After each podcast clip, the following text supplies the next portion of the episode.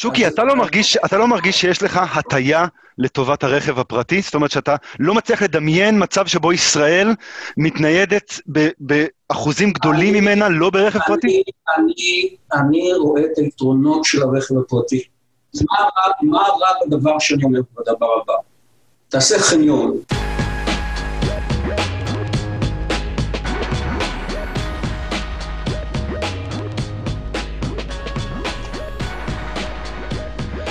שלום וברוכים הבאים לאורבניסטים, פודקאסט העירוניות והתחבורה שלא רק מעביר לכם זמן בפקקים, אלא באמת מנסה להבין דרך מגוון מומחים ודעות למה הם קורים ואיך אפשר להוציא אותם מחיינו. אם אתם נהנים מהפודקאסט ויש לכם מה להגיד, ניתן ליצור איתי קשר בטוויטר, חפשו עומר רז או מקו תחתון space מקו תחתון. או לשלוח לי מייל בכתובת המייל שמופיעה ב description לפרק, שהיא עומר רז מחובר 100 שטרודל gmail.com. בפרק הזה אני ממשיך את השיחה עם מתכנן התחבורה הוותיק והבכיר להפחיד בעל הדעות השנויות במחלוקת, שוקי כהן. החלק הראשון של השיחה זכה להרבה השמעות, והאמת, אני שמח, כי שוקי מציג אולי את ההתנגדות בה' הידיעה לתוכנית המטרו, הרכבת התחתית בגוש דן. וחשוב לי כשהפרויקט הזה עכשיו נכנס לחלק קריטי של אישורים בוועדות ובכנסת, שאנשים ידעו על מה מבוססת ההתנגדות המקצועית. ולמרות ששוקי מביע דעת מיעוט, וזוהי דעת מיעוט, כי ניתן לומר שיש קונצנזוס מקצועי סביב הנחיצות של המטרו, עדיין חשוב שנדע. בפרק הראשון דיברנו מלא על העבודה מהבית והעולם העתידני שיצריך, לפי שוקי, הרבה פחות נסיעות. שוקי אומר שלא צריך יותר משרדים, לא צריך יותר מגדלים, לא צריך יותר כלום. שוקי טוען שכבר היום המידע שבידיו, מידע תחבורתי, אה, שבידיו מראה שאנשים נוסעים פחות למרכזי ערים ושזמני הנסיעה משתנים. למשל, אנשים יוצאים בחמש בבוקר, וגם יעדי הנסיעה משתנים כי אזורי תעסוקה, תעסוקה עוברים אל מחוץ לעיר כתגובה טבעית לפקקים. קודם כל, קשה לי עם הדבר הזה ששוקי חושב שזה תופעה טובה. אנשים שצריכים לקום בחמש בבוקר, במיוחד אנשים עם משפחה, אנשים עסוקים. האמת שזה, בעצם אנחנו מדברים כאן על אנשים שהתחבורה מאמללת אותם. חשוב לי גם לציין שתיאוריות אנטי-אורבניות כאלה, כאילו הפונקציה ההיסטורית של ערים הסתיימה, מה שנקרא המוות של הגיאוגרפיה, הן תיאוריות שעלו בסך הכל די הרבה פעמים בהיסטוריה, במיוחד במאות שנים האחרונות, עם המצאת הטלגרף, עם המצאת הטלפון, ואולי באמת הכי חזק, לפני 20 שנה, עם כניסת האינטרנט, האימייל. אבל ערים קיימות 5,000 שנה, לפחות. והטרנד לעבר חיים בערים רק גדל. וישראל היא אחת המדינות העירוניות ביותר, עם 90% מהאוכלוסייה בערים. לא שוקי. לא, שוקי גר במושב בגליל. והטרנד הזה הוא טרנד ברור, ואין שום אינדיקציה שקורונה, טכנולוגיה או כל סיבה אחרת יפסיקו את האגלומרציה של אנשים, רעיונות וכסף קרוב קרוב בעיר. וזהו כיוון חיובי שמשאיר לנו את הטבע ללא הפרעות ושטחים פתוחים, ומביא לחיים עירוניים יותר נוחים, מאושרים, בריאים, משגשגים, לפי הגדרות הבסיס של התחום ששוקי פשוט מנפנף, שנקרא כלכלה עירונית. לכן שוקי יכול לומר שהוא מביא רעיון חדשים, אבל לדעתי יש כאן בעיקר מחזור ש... של רעיונות עתיקים מאוד. בפרק הזה שוקי מדבר על עוד חידוש מעניין מאוד, הרכב האוטונומי, שאני לא מכחיש שהוא תחזית מלהיבה ומרגשת, כמו תחזיות אחרות, כמו התיישבות אנושית על המאדים, או תרופה לסרטן. עכשיו הוא לוקח את התחזית הפנטסטית הזאת עם נושא אחר שקרוב מאוד לליבו, מקדם המילוי ברכב. שוקי כבר שנים מסתובב עם התיאוריה ומוכר אותה לכל מי שרוצה לשמוע, ולא מעט עיתונים השמיעו, שאם היינו יכולים פשוט, שכמה אנשים ייסעו ביחד ברכב, במקום שרוב הרכבים ייסעו עם אדם אחד כמו היום, יכולנו לפתור את הפקקים כליל. בגלל זה שוקי הוא גם אחד האבות של כל הפרויקטים של הנתיבים המהירים, שיש אחד בכניסה מירושלים לתל אביב, אה, עכשיו מתוכננים עוד מלא, אני אגיד על כמה מילים על הדבר הזה בהמשך הפודקאסט, בהמשך הפרק. בקיצור, אני עכשיו אתן לשוקי לדבר ואני אעיר הערות רק אם הן חשובות תוך כדי, ואין לי בעיה שהוא יצליח לשכנע כמה, כמה אנשים, וואלה שישכנע, אני מניח שאלו בעיקר אנשים מבוגרים שכל חייהם התניידו במכונית ושגם כמוהו רואים את המכונית ככלי היחידי שיכול להביא אותך מכל נקודה לכל נקודה במהירות. במאמר מוסגר אני רק אגיד שזה פשוט לא נכון. והאנשים שאינם יכולים לדמיין עתיד שבו במקום שעה וחצי אומללות בפקקים, את הולכת רבע שעה לתחנת המטרו, פוגשת שכנים, שותה קפה, נוסעת 20 דקות עם אנשים אחרים, שומעת מוזיקה או פודקאסטים, או מדברת עם אנשים, יוצאת והולכת בעיר יפה, נקייה, שקטה, ירוקה, לא מסוכנת, מלהיבה, מעניינת.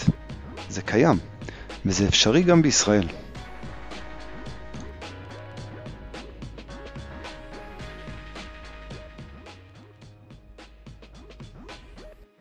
דבר ראשון, אנחנו, אה, אנחנו יודעים שהיום, שמה שאנחנו קוראים מקדם תפוסה, מקדם מילוי ברכב בכניסות, בנסיעות הרדיאליות בתל אביב, הקשות, אה, בבוקר, שיוצאות הפקקים, יש ברכב בממוצע 1.2 אנשים.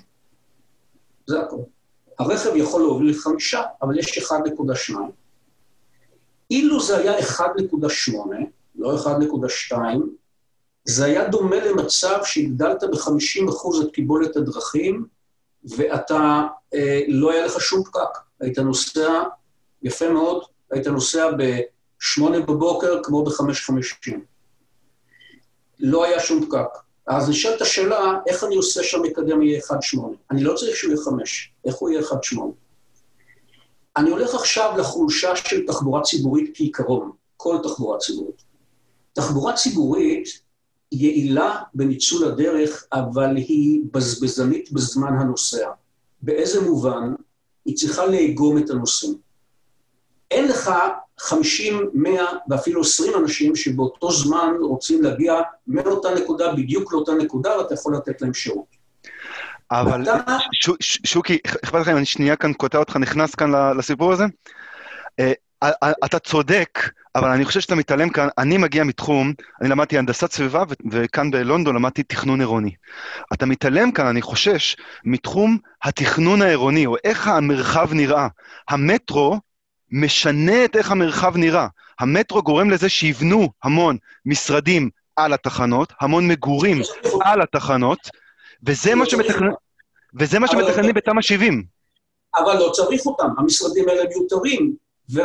תשמע, שוקי, אני יכול לזרום איתך, אבל אתה בעצם כאן טוען, אתה טוען כאן טענה כזאת רדיקלית, אתה טוען שכל המגדלים המפוארים של לונדון, כל המגדלים המפוארים של רמת גן, הכל נעלם ברגע? אה, אז אתה אומר... היא טענה מאוד מאוד פשוטה. אבל אנחנו דיברנו כאן על ה... אני לא מדבר, הטענה, את הטענה צריכים לשפוט במובן הטכני שלה. המשמעות, תגיד אתה את המשמעות. במובן הטכני, לא צריך להגיע למגדלים האלה, מכאן שהם מיותרים.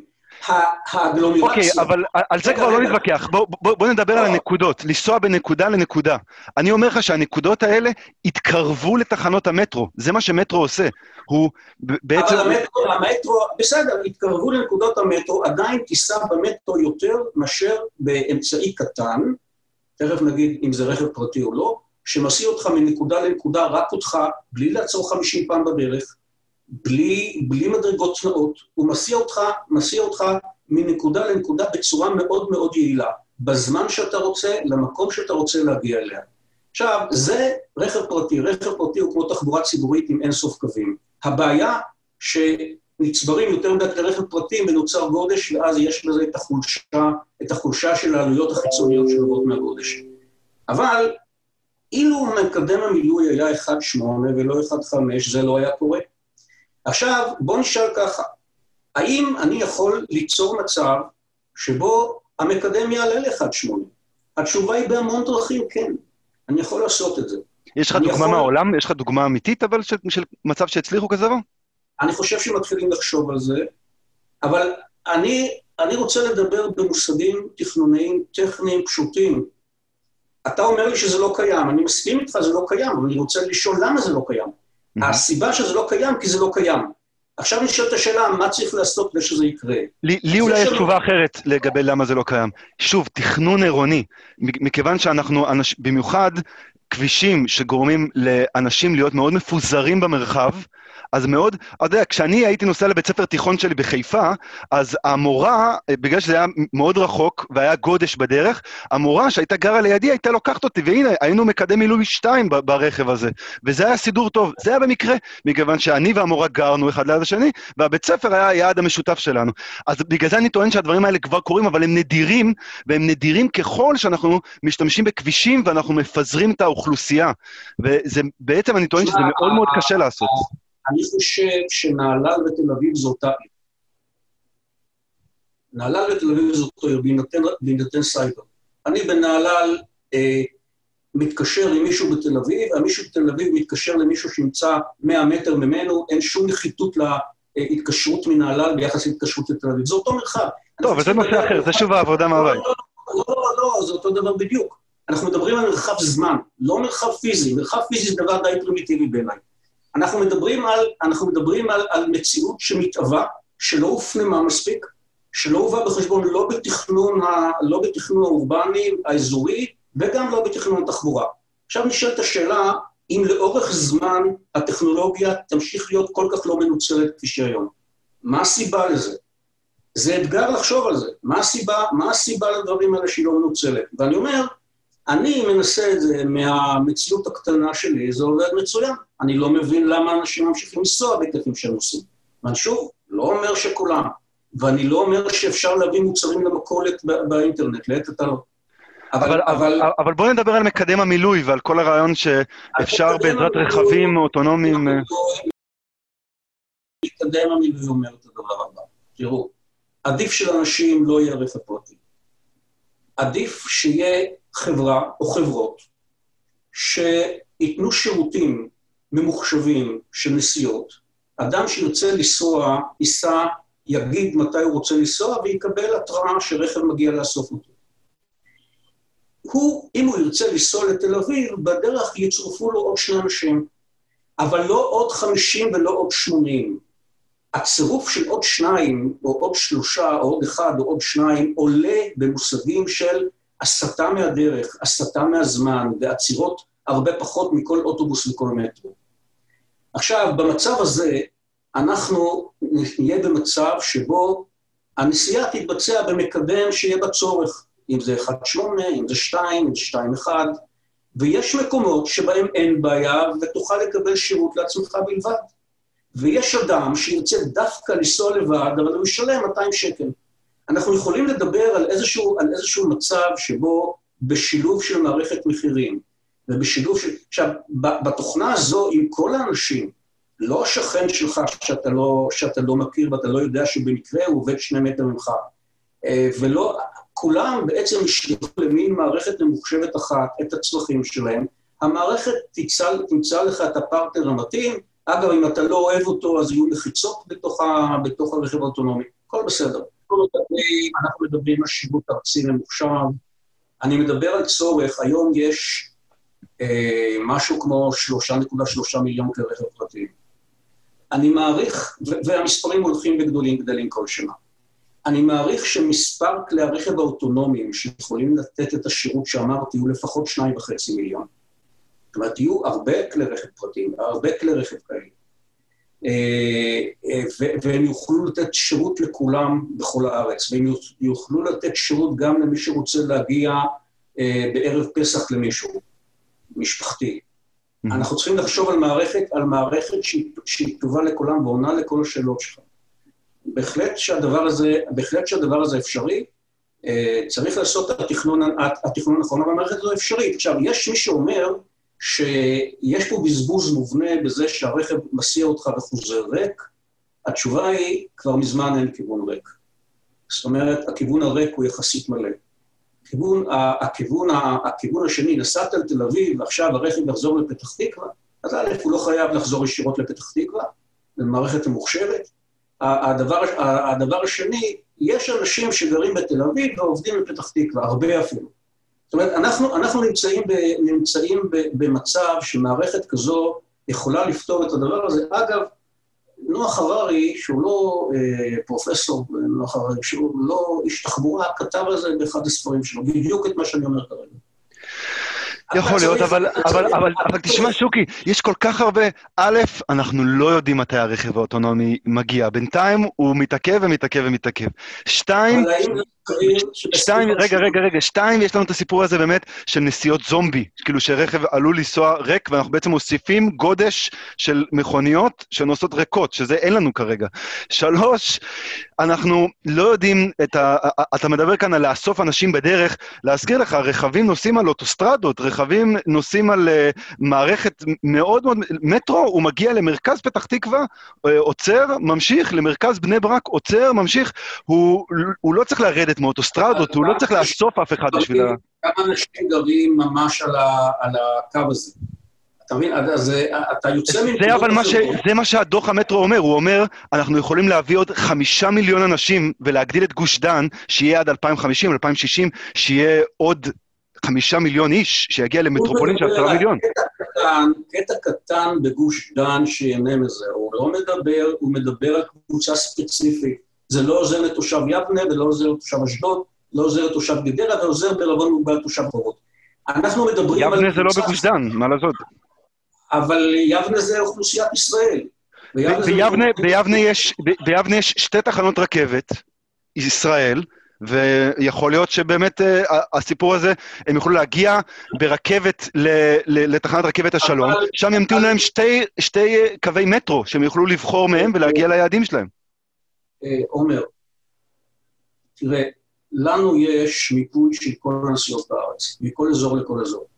עשינו את זה באופן חדשני, כי מה לעשות, אני לא מאמין בדברים משתנים, ומשרד התחבורה שכר את השירותים של שתי חברות, של פלאפון וסלקום, ואנחנו לאורך שנתיים מיפינו את כל הנסיעות של כל תושבי הארץ, של ארבעה מיליון איש בערך. ומאיפה לאיפה הם נוסעים, באיזה שעה הם נוסעים. תאמין לי שמי שעשה את דוח המטרו לא יודע לאן, מאיפה לאיפה אנשים נוסעים. ואתה לא יודע לאיפה צריכים לנסוע תושבי יבנה. אה, וכך הלאה. זאת אומרת, יש כאן, יש כאן, יש כאן מערכת, המטרו הוא קו מתוך הרבה מאוד קווים וכיוונים. הוא חלק, הוא חלקיק מתוך הביקוש הכללי.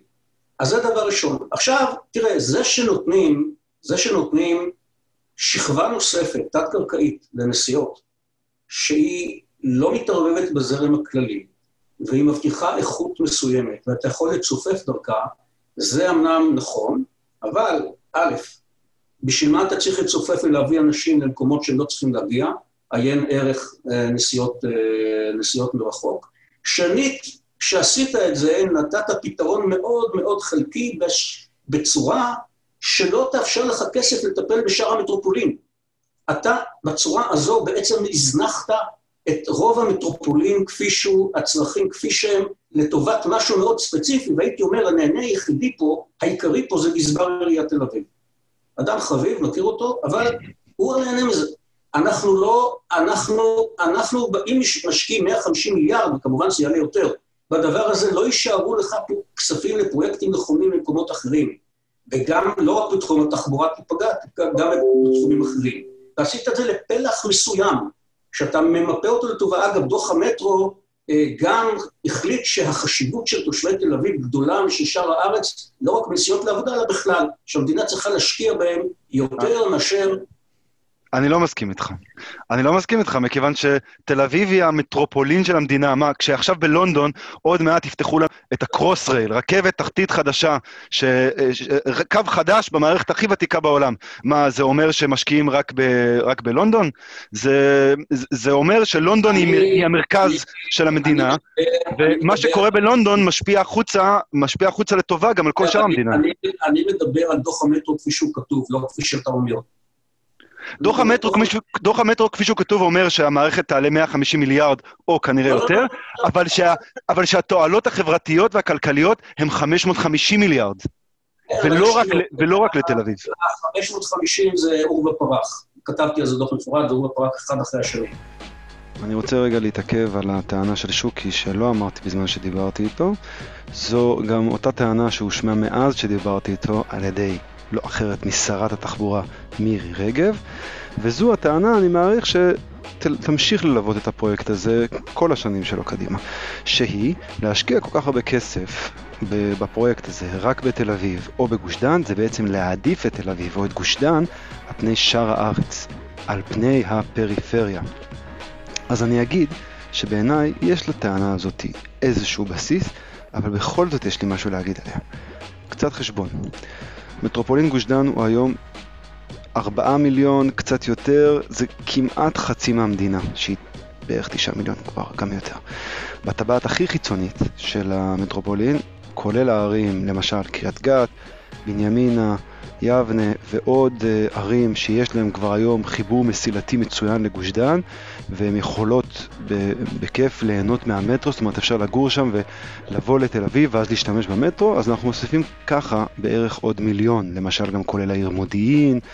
עכשיו, שלושת הערים הגדולות שלנו אז קודם כל יש את חיפה וירושלים, שבמטרופולין שלהם כל אחד יקבע היום בערך 1.5 מיליון, וגם יש את באר שבע, שבה יש היום משהו כמו 300 אלף אה, איש, והיא מחוברת מצוין לתל אביב, והיא גם אמורה להתחבר אפילו יותר אה, טוב עם רכבת מהירה יותר, ועם הבסיסים שעוברים לשם, ויש שם תוכניות שגם באר שבע תהפוך להיות מיליון ואולי יותר בעשור הקרוב. אז כל זה כבר מביא אותנו לכמעט 9 מיליון, תעשו את החשבון. זאת אומרת, כמעט כל אוכלוסיית המדינה מחוברת ברכבת די מהירה לגוש דן, וגם החיבורים האלה עוד צפויים להשתפר עד 2040. למשל, גם יש את פרויקט הכפלת מסילת החוף. שצפוי להביא הרבה יותר רכבות בין חיפה לתל אביב, וגם אה, רכבת מהירה של חצי שעה בין חיפה לתל אביב. אז פרויקט המטרו מתוכנן להיות מחובר בצורה מאוד טובה ומקושרת לתחנות של רכבת ישראל. ככה שראוי לומר שבמדינה קטנה כמו ישראל, פרויקט המטרו הוא פרויקט שכדאי להתייחס אליו בתור פרויקט לאומי, ולאו דווקא פרויקט תל אביבי. אז זה בקשר לפריפריה. אבל אנחנו, אנחנו, אה, אני מדבר על אייטם אחד שם, נושא אחד שם. נושא אחד זה התועלת מערך הזמן שמגיע מצטבר ל-140 וכמה מיליארד שקלים. והנה מסתבר שלמרות שיש במדינה אה, אידיאולוגיה ו, ומתכונת עבודה שנקראת נוהל פרט, משותפת למשרד התחבורה והאוצר, שאומר שאנחנו מייחסים לכל האנשים בארץ את אותו ערך זמן, אז הדוח הזה חרג ונתן לתושבי הגוש דן ערך גבוה יותר, מסיבה לכאורה סבירה, הוא אומר שהשכר שלהם גבוה יותר.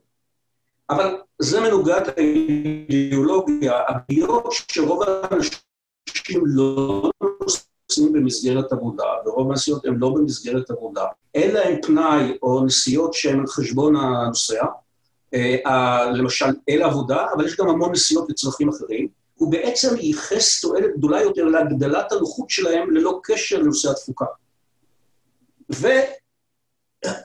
וגם העבודה הזו אומרת שכשאני אעשה מטרו לירושלים, אז אני אצטרך לייחס שם מרכז זמן הרבה יותר נמוכים מאותה סיבה, כי אנשים שם לא חשובים באותה מידה. לא רק שלא חשוב שהם נוסעים לעבודה כי מרוויחים מעט, אלא גם לא חשוב שהם סובלים פחות באיזשהו זמן, זמן נסיעה ארוכים. זה מה שהוא אומר. עכשיו, זה מנוגד לדו, ל, ל, לאידיאולוגיה של משרד התחבורה והאוצר, דוח רשמי עם לוגו של משרד התחבורה והאוצר שנקרא נוהל פרט שיצא, נוהל שיצא, צפצוף על הדבר הזה ואידיאולוגיה שהיא לא מקובלת, לא מקובלת כל עוד בעצם, כנראה אנחנו מדברים על המטרו. במטרו אפשר לצפצף כי רוצים את המטרו ואז מוסיפים משהו כמו 20 מיליארד שקל לתועלת על חשבון ערך זמן גבוה במיוחד לתושבי האזור הזה ביחס למוצר ארצי. ולא שקשורים לתפוקה, אלא שקשורים לפנאי. אז אבל 20, 20 מיליארד לפה ולשם, כשה, כשהדוח המטרו חוזה תועלות שהן פי 4 או 5 מהעלות שלו. אז אני, אז אני אומר שהכל עורבא פרח. אה, אפשר לקרוא את הדוח שכתבתי ולהגיד שהכל עורבא פרח. אה, אני אקשר בפודקאסט. הזמן, כדאי לך לקרוא את הדוח ותראה איזה אבסורדים יש שם במערכת התחשיבים הזאת. אה, אז אה, כולל העובדה, למשל, שערך זמן מטען הוא גדול מערך זמן אדם. למה ככה? יש לזה הסבר. אתה מדבר, אתה מדבר על סדרה מופרכת של, של תחשיבים שלא עומד, אבל מה? אה, לא רוצים לקרוא את הדוח. רוצים להגיד 550 בלי להבין ממה זה, ממה זה מורכב ולבקר את הדברים האלה. כי רוצים מטרו. וכשרוצים מטרו עוצמים את העיניים לכל הדברים הקטנים האלה. מה זה עוד 20 מיליארד? מה זה עוד 30 מיליארד? אני אנסה להגיב על כמה מהדברים ששוקי אומר פה. אני קראתי את הדוח שלו, ואני יכול לספר שהוא לא מכיל הרבה יותר ממה ששוקי מספר פה בפודקאסט. יש שם uh, רכבים אוטונומיים, יש הרבה דגש על עבודה מהבית והפוטנציאל שלה להוריד uh, ביקושים, יש uh, תמריצים לאנשים לנסוע ביחד ברכב, שום דבר מהותי, ואין כמעט סתירות לטיעונים שמעלה דוח המטרו. אז אבל הוא כן נכנס כאן לכמה דברים, אז אני גם אצטרך להיכנס לגבי הטענות של שוקי. אני אזכיר, דוח המטרו שפורסם ביולי נכתב על ידי מיטב המומחים בארץ ונבדק על ידי מומחים בינלאומיים. ולמשל שוקי מזכיר את זה שהדוח לקח בחשבון את ערך הזמן של אנשים כשהם בתנועה, בתחבורה, אה, אז ערך הזמן זה לפי השכר הממוצע במטרופולין תל אביב. להבדיל מהנוהל המקובל, שנקרא נוהל פרט, שמבקש שכל פרויקט תחבורה ייקח את השכר הממוצע במדינה. אני אכנס לזה קצת יותר לפרטים. דוח המטרו העריך שלושה תרחישים לעתיד, ובהם ניסה להעריך את התועלת של המטרו, תחתון, מרכזי ועליון. ההבדלים בין התרחישים הוא כאילו המדינ... דברים שלא קשורים למטרו שקורים, כמו למשל, אה, האם אה, נעשית הגבלת היקף החנייה, האם תמחור החנייה הוא אגרסיבי יותר, האם משתמשים באגרות גודש, וגם ניסיון להעריך אה, האם השינוי בשימוש הקרקע סביב התחנות, זאת אומרת, האם השימוש האינטנסיבי אה, והגדלת מגורים ומשרדים סביב אה, התחנות של המטרו, אה, איזה השפעות יהיו לזה. עכשיו, בתרחיש התחתון נלקח ערך זמן המבוסס על שכר ממוצע ארצי. בתרחישים האחרים נלקח ערך זמן שמבוסס על שכר ממוצע של מטרו גוש דן. עכשיו, זה לא שהם מתעלמים מזה בדוח, הם כותבים, אני מצטט. בנוהל פרט מציינים כי יש להשתמש בשכר הממוצע במדינה. הסיבה לדבר היא פשוטה, כאשר בוחנים פרויקטים שונים בתחבורה, הממשלה אינה מעדיפה פרויקט אחד על אחר מכיוון שהוא משרת אוכלוסייה עמידה יותר, שהשכר הממוצע שלה גבוה יותר. מסיבות של שוויוניות נלקח אותו ערך זמן לכל הפרויקטים. משבים, משווים ביניהם ובוחרים באלו שכדאי לבצע. אולם הדוח הנוכחי אינו עוסק בדירוג של חלופות שונות, אלא נועד לחשב את הערך הכלכלי של הפרויקט. מכאן, מבחינה תאורטית, נכון יותר להשתמש בשכר הממוצע של המטרופולין בהתאם למטרת המחקר. אבל כדי להיות בצד השמרני, התרחיש התחתון מחושב עם ערך הזמן המבוסס על השכר הממוצע הארצי, ואילו התרחיש המרכזי והתרחיש העליון מחושבים באמצעות השכר הממוצע המטרופוליני בגוש דן, שגבוה יותר ב-10% מהארצי. השוני בתרחישים הוא אה, בסביבות ה-10-20 מיליארד שקלים, שהם לא מאוד מהותיים בשווי של הפרויקט הזה, שכאמור, העלות שלו אמורה להיות 150 מיליארד, והערך הכלכלי שהוא מבקש, לה, שהוא מניב לפי הדוח, הוא פי שלוש או אפילו פי ארבע מזה. המסקנה שלי שלצערי שוקי כהן מתעסק כאן בקטנות, לא מדייק בפרטים, לא מתעסק במהות, ויותר ויותר מתגלה שעיקר ההתנהגות שלו, ההתנגדות שלו לפרויקט המטרו היא התנגדות אידיאולוגית. אבל המקצוע, המקצועיות מחייבת חישוב מדוקדק והבנה מדוקדקת והסתכלות מדוקדקת על העתיד וניתוח של מה קורה אם עושים שניים קווים מתוך שלושה ומתי עושים. יש מתודה לדברים האלה, אני עשיתי רבות כאלה. והדוח שכתבתי, שאני מקווה שיהיה מי שיקרא אותו, כי יכול להיות ש... אני אשמיע את הדברים האלה, אבל יכול להיות שרוצים כל כך את המטרו שלא ירצו לקרוא מה שכתוב שם. אבל מדובר שם על, בדוח על ערכים מופרכים, שכל אדם יודע שהם לא נכונים, שקשורים שם בראש ולב. כן, אבל תגיד, זה אנשים טובים שגם אני אולי הולך לדבר על זה שבוע, כמו יורם שפטן, הוא לא יודע? פרופסור בטכניון, הוא לא יודע? אה, אני לא בטוח שהוא שם לב לפרט הזה. אז, אה, אז, אה, אז, אז הקיצור, אבל, אבל זה חלק ממכלול עצום של טעויות אלמנטריות שיש בתוך, ה, בתוך העבודה. אני אומר, אתה עושה עבודה, אתה רוצה להצדיק השקעה של 150 מיליארד, שהדוח יהיה תקין קודם כל. שיהיה תקין, שיצא מנקודת מבט תקינה, שלא יגיד שאפס אחוזים יעבדו מהבית. עכשיו הדוח מגן על עצמו בכמה הגנות. הוא אומר, כן, אנחנו נבדוק את זה שוב. אני מכיר את ההיסטוריה של הכתיבה של הדוח הזה, בדקנו שוב, אין בזה כלום. זה מה שתהיה התשובה. אז, אז אה, זה כבר התקדם, זה כבר היה דוח ב-2016. אז, אז, אה, אז הקיצור, יש כאן, יש כאן מערכת של, מערכת שהיא לא, היא פשוט לא תקינה. עכשיו, מדינה לא יכולה להרשות לעצמה, ולא משרד התחבורה ולא משרד האוצר, לא יכולים להרשות לעצמם להסתתר מאחורי דוח רצוף בטעויות קשות כאלה. עכשיו, המחלוקת שלי איתו היא לא רק בטעויות, יש טעויות מפה עד הודעה חדשה, טעויות מהותיות מאוד בתכנון תחבורה, אבל טעויות טכניות, ופשוט מידע, אינפורמציה שהיא לא נכונה, ניתוח מצב שהוא לא נכון, אה, מקורות מחו"ל שמוצגים בצורה לא נכונה בתוך הדוח. אה, אז, אז הקיצור, אני בהחלט מערער על, על הדוח, על הקונספציה. אני מבין, אני מבין, אבל uh, אני חושב ש... לא יודע, טוב, אני, אני, אני חושב שאתה אופטימי מדי, כאילו, רכבים אוטונומיים, אנחנו לא יודעים, עבודה מהבית, אנחנו, הקורונה הזאת לא, לא בדרך להסתיים, ואנחנו עדיין לא, לא יודעים. וכשאנחנו לא יודעים, אז השאלה היא, מה עושים כשאנחנו לא יודעים? אנחנו חושבים על ה... אני חושב ש... אני חושב שאתה אומר את הדבר הרדיקלי ביותר. זאת אומרת, זה שאנשים לא ייסעו יותר למשרדים, זה, זה דבר uh, רדיקלי. לא יודע, יש לזה סיכוי להתממש, אבל בגלל שזה כל כך רדיקלי, הייתי נותן לזה סיכוי נמוך. לא- יש פתרונות נוספים לדבר הזה, שהם פתרונות, הייתי אומר, במקום מטענים, מערכת מרובות נושאים, אני צריך לפתח מערכת אה, של נסיעות מועטות נושאים, אבל לא של נושא היחיד. האויב הגדול שלנו זה לא הרכב הפרטי, אלא רכב פרטי מקדם מילוי של אחד. עכשיו, איך עושים את זה? אז אני אומר שוב, תן סובסידיה, תן סובסידיה, תשלם לאדם שמסיע אחרים, כמובן שצריך לוודא טכנולוגית שזה אכן קורה, אדם שמסיע אחרים, תן לו סובסידיה. כמו אוטובוס, הוא יותר טוב מאוטובוס, הוא יעיל מאוטובוס, הוא נוסע מהר יותר ונוח יותר. הוא לא עוצר 70 פעם בדרך.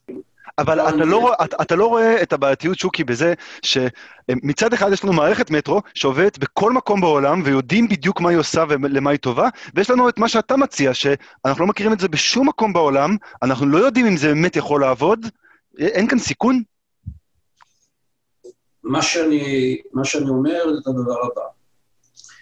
אתה צריך לתכנן ולכוון כבר היום, בלי הרכב אוטונומי, להגדיל את מקדמי המילוי ברכב הפרטי, למשל על ידי אותם חניונים ועל ידי אותם נתיבים מהירים כפי שנעשו, ועל ידי סובסידיה ובדרכים אחרות, הנר"תים. אתה יכול לעשות דברים אחרים. הרכב, ה... הרכב האוטונומי ייתר את זה במובן זה שלא יהיה נהג אה, מוביל ואחר, אלא כולם, המערכת תסיע אוטונומית אנשים. אבל היות, כפי שאתה אומר, שהדבר הזה עוד לא התהווה, ואנחנו לא יודעים בדיוק מתי הרכב האוטונומי היה, ונניח שהוא הפתרון האולטימטיבי, ובלעדיו הפתרון קצת לא יכול להגיע לממדים שאני אמרתי, נניח, אז אני אומר, בסדר, תכנן את המטרו. תכנן, תכנן מערכת של מטרו, אבל תכנן אותה דבר ראשון ריאלית, לא כפי שהדוח הזה עשה, תכנן אותה ריאלית, בלי שגיאות, בלי מודל תחבורתי שגוי. בלי קשר לאידיאולוגיה, הוא שגוי כי הוא שגוי. תתכנן אותו נכון, תבין את הזרמים, תבין את הכיוונים, תתכנן אותו נכון, ותשים אותו כתוכנית מגירה, ובואו נהיה ב-2012, סליחה, ב-2024, 2025, ונראה לאן התכוונו ומה התובנה. ואפילו תעשה הליכי תכנון מפורט, שהם חלק מהסיפור, ותעשה את מה שאתה אומר. אבל במקביל תתכנן תוכנית אלטרנטיבית. תוכנית אלטרנטיבית... שהיא מה? שהיא מה? שהיא, תוכנית שמביאה בחשבון שפחות אנשים ייסעו, ושהם ייסעו מאיפה לאיפה הם ייסעו, ושיש אמצעים אחרים, ושאתה יכול לעודד מאוד נסיעות ברכב פרטי, להגדיל בו את מקדם המילוי וליצור יעילות יותר גדולה והקטנה של הפרטים. אתה יכול ליצור מערכת, מערכת, ותראה מה, מה יעשה אגרות גודש לגודש ואיזה פתרונות צריך לעשות. כל הטכניקה... אבל כאן יש דוח שאומר לך שאתה, על כל שקל שאתה מכניס למטרו, אתה מקבל 4-5 אחר כך. אתה אומר, או שהדוח הזה לא נכון, אבל זה, על הבסיס זה המשרד התחבורה מקבל החלטות. הדוח הזה לא נכון באף מילה שלו. אז, אז בקיצור, הדוח הזה לא נכון. צריך לקרוא את מה שכתבתי ולראות פרט-פרט איך המספרים שם מתגבשים ומה לא בסדר בהם. אני לא אומר שלמטרו לא תהיה תועלת בכלל, אני לא אומר ש-540 אה, מיליון או מיליארד או כמה שלא יהיה, השאלה באיזה ריבית אתה עושה את זה וכדומה, לא חשוב. כל, כל הדבר הזה הוא אפס, אני לא אומר את זה. אני רק אומר שזה לא המספרים האלה, רחוקים מהם. אבל אני אומר דבר אחר, עזוב את הכסף, התכנון לא נכון. אם העולם שלך הוא עולם שגוי מבחינת הנסיעות בין מקומות, בין, בתקשורת בין אה, אחד עם השני, אם אתה שוגה במודל, אם אתה שוגה בש, בסוגיה של כמה אנשים ייסעו בבוקר מפתח תקווה לתל אביב ונותן מספר שלא יכול להיות, אז אתה שוגה בתכנון שלך. ופה יש בעיה, בעיה, בעיה בהינתן המטרו. שאומר, אני אומר, צריך לתכנן את המטרו, אבל צריך מטרו נכון. לא באמצעות התכנון של נסע, אלא באמצעות תכנון אה, נכון יותר. זה, זו, זו דעתי. אני אומר, תכנן את הדבר הזה, אבל תכנן, אני אומר שוב, תכנן עולם בלי מטרו. תכנן מדיניות ממשלתית שאומרת, המדינה, המדינה רוצה לשאוף ש-1.2 מיליון עובדים בשנת 2025 יעבדו מרחוק. אני הממשלה הרחוקה, הראשונה שמתחילה בזה. 50 אלף עובדי המדינה יעבדו מהבית, זו המדיניות שלי, אני אאפשר את זה. אתה לא מרגיש, אתה לא מרגיש שכשגולדה מאיר... כשגולדה מאיר חנכה את, ה, את הרכבת התחתית בתל אביב, גם באו אנשים ואמרו לה, אבל חכי רגע, יש עכשיו רכבים, אה, אה, עוד שנייה לכל אחד יהיה רכב פרטי. למה עכשיו לבנות מטרו, או לבנות רכבת תחתית, גולדה, כשעוד שנייה לכל אחד יהיה... ואז בשנות ה-90 גם אמרו את אותו דבר. אז אתה לא, אה, אמרו, בשנות ה-90 הדיבור היה, אה, לא צריך, אה, אוטובוסים יספיקו, BRT. אני אגיד לך שאני חושב שכדי שהמטרו יקרה, המטרו הזה הוא פרויקט לאומי. כדי שהוא יקרה, צריך שיהיה דחיפה פוליטית. Uh, צריך, uh, צריך, צריך התלהבות מהפרויקט הזה, ואני רואה שיש הרבה אנשים שמביעים את ההתנגדות הזאת, שהיא לפי דעתי לא מספיק מבוססת, כי אנחנו צריכים, חייבים להסתכל על העולם. בעולם ממשיכים לבנות מטרו בטירוף, ולא רק בסין, ולא רק בהודו, גם באוסטרליה, גם בארצות הברית, גם באירופה. בונים עוד המון המון מערכות מטרו, כי... ואנחנו לא יכולים להישאר מאחור, אנחנו בבעיה, בטורקיה. השיחה בינינו מוכיחה שהתזה שלך לא כל כך מדויקת. השיחה בינינו כרגע. למה? כי אני ואתה מצליחים לדבר באינטרנט? את המטרו צריך, צריך, במטרו צריך להיעזר בעתידנים. אבל המטרו נעשה על ידי היסטוריונים. המטרו נעשה על ידי היסטוריונים, אנשים שמסתכלים מכאן ואחורה. לא היה מאמץ רציני להסתכל קדימה. עכשיו, הסתכלות קדימה, אתה יודע, היא תמיד, היא תמיד דבר בעייתי. היא תמיד, יש בה מידה של ספקולטיביות, אבל אתה יכול לשער לפי הכיוון ולברות לפי התפתחות ולעשות כל מיני, גם ניתוחים אקונומטריים והצבות ומודלים, להראות איך תופעה מתקדמת וכך הלאה. ואתה גם צריך איזושהי מדיניות, אה, להסתכל על איזושהי מדיניות שצריכה ללוות את הדברים האלה. אז אני חושב שוב שלהסתכל על 2050, והמטרו, אם ייבנה, ואני מקווה שלא, אני אומר לך כי אני יודע שאתה מחסידה, אני מקווה שלא, כי זה פשוט בזבוז, בזבוז כסף עצום. למדינת ישראל 150 מיליארד כסף מתקציב המדינה, לא משנה איך תגייס את הכסף, זה מתקציב המדינה בסופו של דבר, או מתקציב שיכול היה להיות תקציב המדינה, אתה מבזבז את הכסף 50 אחוז, 50 אחוז מהמטרו מתוכנן להיות מבעצם כזה היטלי שבח ומס מטרו על אנשים שירוויחו מהמטרו. אה, האנשים האלה, הכסף שלהם היו יכול להיות מיועד לדברים אחרים. אנחנו, אנחנו... אה, אבל אנחנו... אתה, אתה מראש אומר שבעולם העתידי שאתה מדמיין, האנשים האלה שיש להם נכסים בתל אביב, הם גם ככה עכשיו, הם עומדים על הסף פשיטת רגל, מכיוון שהנכסים שלהם בתל אביב כבר לא שווים כלום. פעם היו שווים מיליונים, עכשיו לא שווים כלום. אולי שווים, אפשר לעשות את זה למגורים.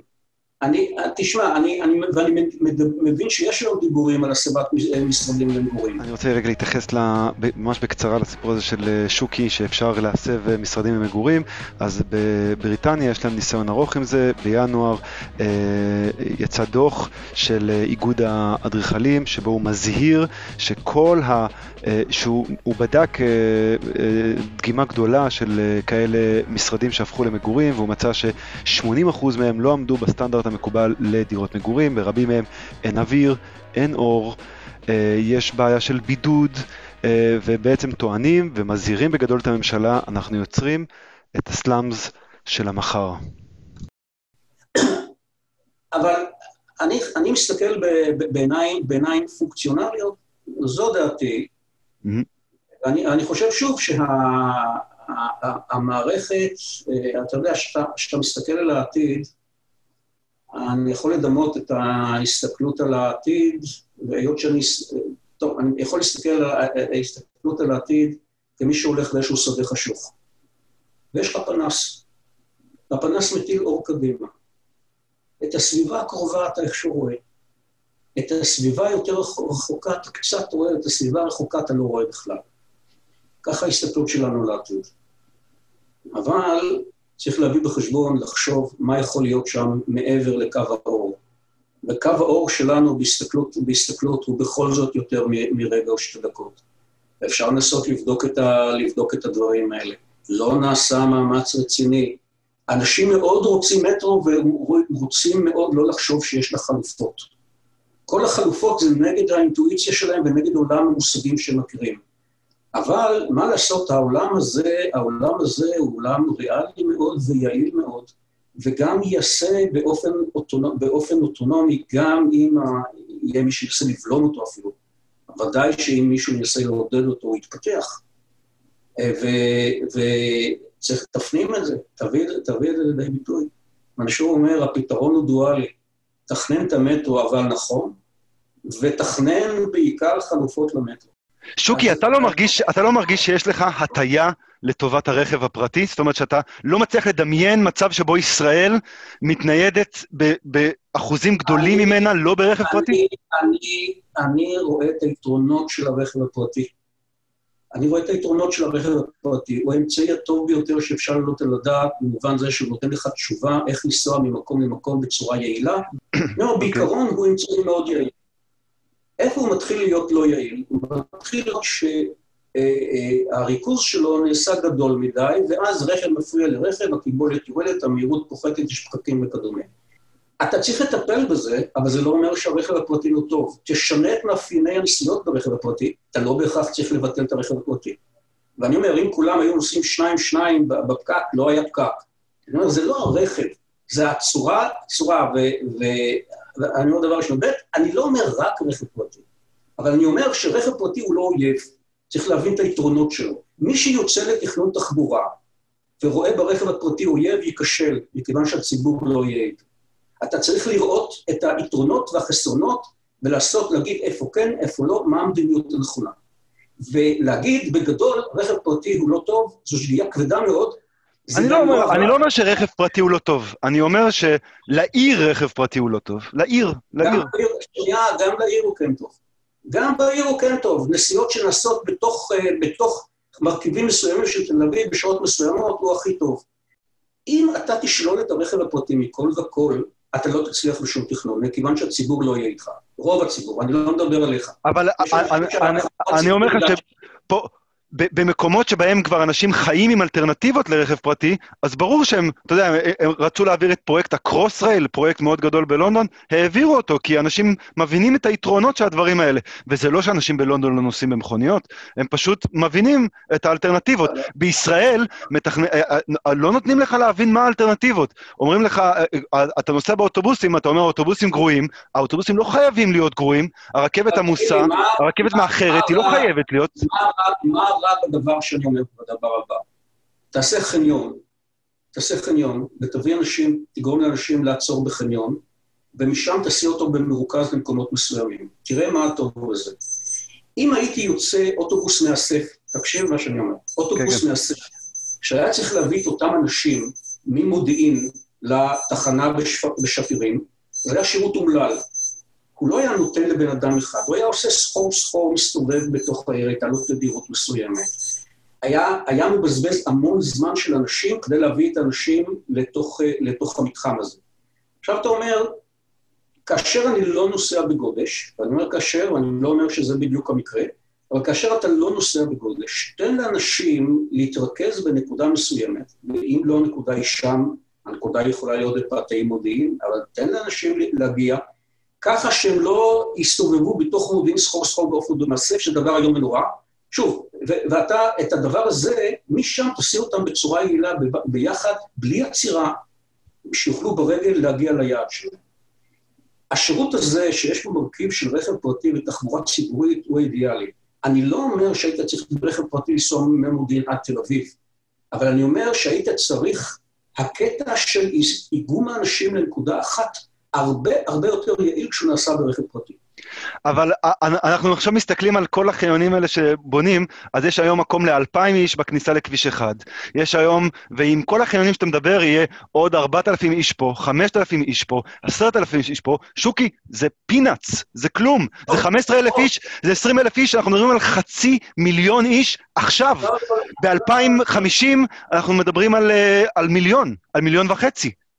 א', א', ככה, אין גידול כזה בין 2050 להיום, הגידול יהיה הרבה הרבה יותר קטן ממה שאתה אומר, זה דבר ראשון. אבל מדינת ישראל היא המדינה, מדינת ישראל היא המדינה שגדלה בקצב הכי מהיר במערב. כן, אבל מה שאמרת לא יקרה, מכיוון שיש לנו תאריכים היותר ריאליים. זה דבר ראשון. דבר שני, זה לא פינאץ. אתה לא יודע כמה כלי רכב נכנסים דה פקטו. אתה מדבר, דבר ראשון, מה שאמרת זה אולי תנועת אנשים, וגם היא לא נכונה, והיא על כל היום. יש לנו את הנתונים. אני חי עם מערכת נתונים שאומרת כמה אנשים ביום נוסעים מודיעין לתל אביב, באיזה שעות הם נוסעים. תאמין לי שאני יודע את זה. Mm-hmm. אני יודע את זה, ומתוך זה שאני יודע את זה, אני אומר לך, זה לא פינאץ. זה פרויקטים משמעותיים מאוד. בהינתן, בנושא של קיטום הגודש, מאוד משמעותיים. הם לא זניחים בכלל. אז, אז, אבל תשמע, אתה מתחיל מאינפורמציה. לנו יש את האינפורמציה, ואנחנו בודדים עכשיו מודל ארצי למשרד תחבורה, שמנסה לנצל את האינפורמציה הזאת. יש לנו את האינפורמציה, ואנחנו רואים את העולם במורכבות שלו, בחולשות של הרכב הפרטי, ביתרונות של הרכב הפרטי, בחולשות של התחבורה הציבורית. יש אנשים שתחבורה ציבורית זה קדוש ולא לא מוכנים להודות שיש בהם חולשות, או להבין את החולשות אפילו. אנחנו מנסים בסופו של דבר להיות עם הנושא, עם הנושא, לא עם הנושא, אגב, עם כלל הנושא. אם משהו טוב למישהו אבל מזיק לאחרים, אנחנו מביאים את זה בחשבון. ואנחנו עושים את, ה, עושים את האופטימום הכללי, האופטימום החברתי הכללי. באופטימום הכללי יש בו הרבה מאוד, יש בו הרבה תחבורה ציבורית, ויש בו שילוב נכון של שניהם. ויש תחבורה פרטית נכונה ותחבורה פרטית לא נכונה, וכך הלאה. מורכב. אבל שלילת הרכב הפרטי ככלל היא שגיאה קשה. בנקודה הזאת אני חייב לדבר על הנושא שהוא קרוב לליבי, והוא גם הדארלינג של שוקי, הנתיב המהיר. הנתיב המהיר בכביש 1 נפתח לפני עשר שנים, על פי חזונו של בין השאר מתכנן התחבורה ידידנו שוקי כהן. חברה פרטית בנתה את הנתיב ומפעילה אותו ברווח. וזה למרות שהמדינה השקיעה ומשקיעה המון כסף. רק עכשיו המדינה מרחיבה את החניון שם, שהוא לכולה אלפיים מכוניות, אז היא בונה עוד קומה מעליה בעלות של כמעט מיליארד שקל. מהכסף שלנו. כמה מכוניות? ארבעת אלפים. האם, האם הכביש הזה, האם הנתיב הזה פתר את הפקק בכביש אחד? האם הוא אפילו צמצם אותו בקצת, מה שפעם קראו הפקק של המדינה? יודע כל מי שנסע שם בשנים האחרונות בשעות העומס? לא, הוא לא פתר כלום. במחיר של מעל 100 שקל בשעות השיא מוצע לך לדלג על פקק שהוא בשעות השיא מעל 45 דקות. עכשיו אמנם באמת נבנה חניון שאתה יכול להחנות בו את האוטו, אבל החניון הוא רק ל-2,000 רכבים. ירחיבו אותו עכשיו, זה יהיה ל-3,800. זה כלום, חצי מיליון כלי רכב רוצים להיכנס לתל אביב כל יום. זה החזון של שוקי. העשירים ביותר, ו- ו- וגם בודדים, כן? כי לפי הנתונים בערך אלף כלי רכב בשעה נוסעים על הנתיב, כלום. נוסעים בנתיב מיוחד שנסלל עבורם על הרצועה שבו הייתה אמורה להיות לפי התוכניות מסילת רכבת, מה שנקרא המסילה הרביעית, שהייתה מאפשרת תנועת רכבות הרבה יותר טובה בתל אביב, והנתיב הזה הוא מה שתוקע אותה כבר 20 שנה. עוד בערך 2,000 מכוניות חונות, שזה כלום, ולוקחים אה, הסעה שמסיעה אותם למקומות עבודה בבורסה או בכל מיני מקומות שהרכבת אה, ואוטובוס או רכבת, הליכה ברגל, אה, אפשר לעשות את זה במספרים הרבה יותר גדולים מאלפיים. עכשיו, החברה שמפעילה את הנתיב מספרת שגם רכבים רבי תפוסה, מה ששוקי דיבר עליו קודם, זאת אומרת רכבים שיש בהם לא רק נוסע אחד, אלא עם שלושה נוסעים ומעלה, יכולים לנסוע בנתיב. אבל ביקשתי לקבל את המידע לגבי כמה רכבים שלושה נוסעים אה, עוברים שם. ביקשתי לקבל את המידע, כמו ששוקי אומר, בוא נסתמך על המידע, ביקשתי אותו, כי יש חוק חופש המידע. אה, סורבתי על ידי החברה, אמרו לי שזה סוד מסחרי. הניחוש שלי, שמספר הרכבים הם... אה, שלוש נוסעים ומעלה הוא קרוב לאפס. ואני גם רוצה לציין שאין שם שום טכנולוגיה, לא השקיעו שם בטכנולוגיה שיכולה אוטומטית לספור את הנוסעים, כי כולם יכולים לדבר הרבה על מקדם המילוי ברכב ועל זה שאם נצטמצם את זה 1, 2 בתוך רכב, 3, זה פותר את כל הפקקים. בפועל אין שום מקום בעולם שזה יצליח, כי אי אפשר. הבעיה כאן היא בעיה של תכנון עירוני. לאסוף אנשים מפרוור, לעולם היעדים שלהם, כשאנשים מפוזרים במרחב בגלל הכביש, בגלל תכנון מפורבר, אנשים מפוזרים במרחב, הם אי אפשר יהיה לקבץ אותם לתוך רכבים. וגם יש כאן בעיה של תרבותית, כשאתה ברכב, בא לך להיות לבד ברכב, לא בא לך שאף אחד יפריע לך, אה, לא בא לך להיות תלוי באף אחד, אתה בטח רוצה להיות הנהג ולא... זה, זה קשקוש, מארץ הקשקושים. עכשיו, המדינה ממשיכה לבנות uh, עכשיו, ממש בימים אלו, נבנים עוד המון נתיבים וחניונים כאלה, מכביש 5, מכביש 2, מדרום, מצפון. העלות היא לא מבוטלת למדינה, ויש את היזמים הפרטיים שיעשו המון המון כסף, וייבנו חניוני רכב בזבזניים על שטח של המדינה, למשל בשפיים, החניון, החוף ים הכי יפה בארץ, בום, חניון, בראשון. למה? למה כל זה? רק כדי שעוד חמש שנים, עשר שנים, הכל אה, יתמלא במכוניות שוב, ונצטרך לבנות עוד חניונים, ואז, והכבישים אה, אה, רק עוד יתמלאו ויתמלאו ויתמלאו, ונמשיך להיות חייבים להיות בעלי רכב ולשלם את כל ההוצאות שהרכב עולה. ואנחנו לא בעלי הון, אז אנחנו נצטרך לא לנסוע בנתיב העוקף, אלא אנחנו נצטרך פשוט לעמוד בפקק, והפקקים יהיו רק יותר ויותר גדולים. עכשיו אני רוצה להבהיר, אני לא נגד רכבים, אני אישית חולה על רכבים, אבל בעיר גדולה כמו תל אביב, כמו שתל אביב כבר הפכה להיות, ועכשיו היא רק גדלה להיות מטרופולין באמת אה, עולמי, היא לא יכולה להיות תלויה בחניוני ענק, בנתיבי תשלום, בשאטלים, זה לא עובד ככה. זה... בכל העולם זה עובד עם תחבורה מסילתית, חשמלית, מהירה, נוחה, טובה. מה ששוקי מתאר כאן זו שיטה אה, אמריקאית משנות ה-70. שגם היא נכשלה שם בשנות ה-80, מקסימום ה-90 בחלק מהמקומות. חלק מהערים עדיין נצמדים לזה, וזה הערים הכי כושלות בארצות הברית. לערים הגדולות יש תחבורה ציבורית טובה, ואין לזה תוחלת.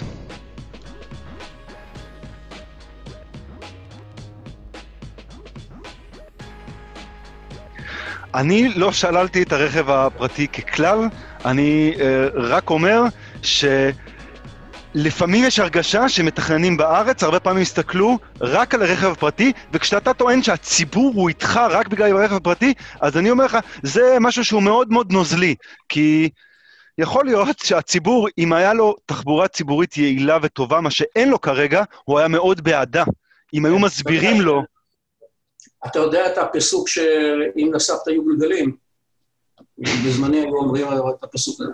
תחבורה ציבורית טובה. כשאתה מסתכל על המצב כיום בארץ, של התחבורה, uh, המצב כיום, עכשיו, כרגע, כרגע, אתה לא מודאג? Uh, המצב, המצב גרוע.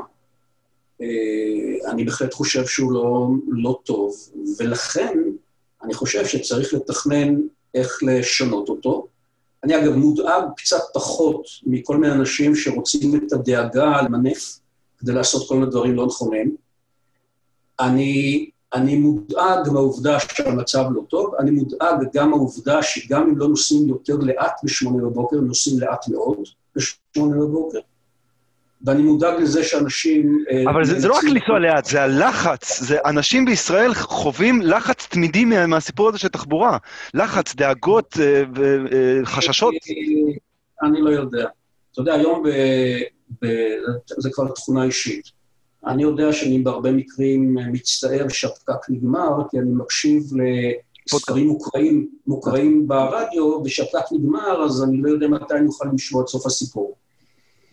בוא, דברים קצת יותר מורכבים. אתה יכול לנצל את הרכב ל, ל, לעבודה, אה, בזמן עבודה, אפילו שיחות טלפון, מה שנקרא לעשות את הייאוש יותר נוח, אתה בהחלט יכול לנצל את ה... אבל זה מסכים שזה כמובן מאוד לא רצוי. וכל מה שאני עושה זה כדי להקטין את הפקק הזה, רק באמצעים אחרים ממה שבדרך כלל חושבים. האמצעים שאני חושב עליהם הם אחרים בכיוון שלהם, בהסתכלות שלהם, בהבנת המציאות שלהם, בהבנת החולשות של התחבורה הציבורית, יחד עם החוזקות של התחבורה הציבורית, אבל אני לא רואה בה אה, דבר טוב כולו, וברכב פרטי דבר רע כולו, אני רוצה לעשות את השילוב הנכון, לא הולכים היום לכיוון כזה. לאות סיום שלי, אני רוצה להביא את דבריו של אחד ממתכנני התחבורה, אולי המשפיעים ביותר בארצות הברית, אולי גם בעולם, ג'רט ווקר. ג'רט נוהג לדבר על תופעה בתכנון שהוא קורא לה Elite Projection, או השלכה אליטיסטית, והוא כותב כך, תרגום שלי. השלכה אליטיסטית היא האמונה בקרב אנשים ברי מזל ומשפיעים יחסית, שמה שאנשים אלה מוצאים נוח או אטרקטיבי, הוא טוב לחברה כולה. ברגע שאתה מפנים את הטעות הפשוטה הזאת, אתה רואה אותה בכל מקום. זה אולי המחסום הכי גדול ומשמעותי לערים משגשגות, שוויוניות וחופשיות. זוהי לא קריאה נגד האליטות. אני לא מביע כאן שום דעה על חלוקה צודקת של הון או הזדמנויות, או על הזכות של מישהו להשפעה. אבל אני כן מצביע על טעות שאליטות תמיד בסיכון לעשות. הטעות היא לשכוח שהאליטות הם תמיד מיעוט, ושלתכנן עיר או רשת תחבורה סביב ההעדפות של מיעוט תמיד תביא לתוצאה שלא תעבוד עבור הרוב. אפילו המיעוט האליטיסטי לא יאהב את התוצאה בסוף. כאמור, אלה דבריו של ג'רד ווקר, מתכנן תחבורה אמריקאי. ספרו Human Transit, או תחבורה אנושית, מומלץ מאוד לקריאה. זהו הסוף של uh, הפרק עם שוקי, אני ממש ממש מודה לשוקי כהן שהסכים להתראיין לפודקאסט ולפרוס את משנתו. אני מודה שוב כמובן לאיתמר קלוגר, די.ג'יי טרומפלדור, על הביט. בפרק הבא, דוקטור יואב לרמן בשיחה שהיא באמת, אני מזהיר, ממש מעניינת. בינתיים, סעו לאט, תזרקו איזה חיוך לאנשים בפקק, וזהירות מהמרווח.